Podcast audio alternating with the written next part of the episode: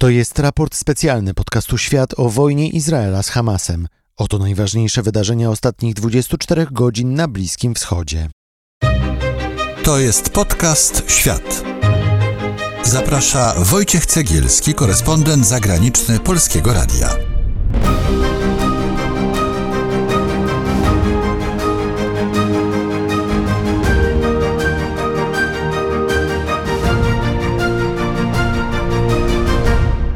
Jest sobota 11 listopada 2023 roku.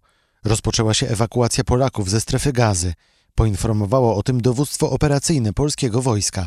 To właśnie polskie samoloty wojskowe mają przywieźć 29 Polaków do kraju, gdy tylko cała grupa znajdzie się po egipskiej stronie granicy w Rafa. To jedyne miejsce, którym obcokrajowcy i Palestyńczycy z zagranicznymi paszportami mogą wyjechać z gazy.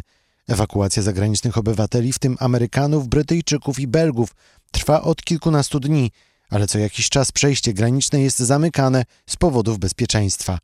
Izraelskie oddziały lądowe tymczasem otoczyły największe szpitale w centrum Gazy, w tym szpital Al-Shifa, pod którym ma znajdować się główne centrum dowodzenia Hamasu. Od kilkudziesięciu godzin z Gazy docierają informacje, że w rejonie szpitali toczą się walki, a także informacje o eksplozjach w szpitalach. Palestyńczycy twierdzą także, że szpital Al-Shifa został zaatakowany pięciokrotnie w ciągu 24 godzin i że zginęła co najmniej jedna osoba. Na zewnątrz szpitala cały czas ma być słychać ogień snajperski, a wśród tysięcy osób, które koczują w szpitalu, zapanować miała panika. Lekarze twierdzą, że karetki nie są w stanie wyjechać po chorych. Izraelska armia potwierdza, że trwa operacja w rejonie szpitali i oskarżyła Hamas o prowadzenie ataków na żołnierzy z tuneli, które znajdują się pod szpitalem Al-Shifa. Wojsko ponownie przerwało na kilka godzin naloty w rejonie głównej autostrady łączącej północ z południem. Okna humanitarne mają umożliwić cywilom z oblężonej północy ucieczkę na bezpieczniejsze południe. W środę i w czwartek na południe uciekło tą drogą w sumie około 100 tysięcy osób. Tymczasem palestyńskie Ministerstwo Zdrowia, które jest kontrolowane przez Hamas, podało, że łączna liczba ofiar izraelskich nalotów przekroczyła 11 tysięcy osób. Wśród ofiar ma być 4,5 tysiąca dzieci. Izraelska armia miała w ofensywie lądowej stracić 40 żołnierzy. Władze gazy twierdzą, że w wyniku nalotów zniszczona została połowa wszystkich domów w całej enklawie. Tymczasem izraelskie władze zaktualizowały liczbę zabitych w masakrze Hamasu z 7 października.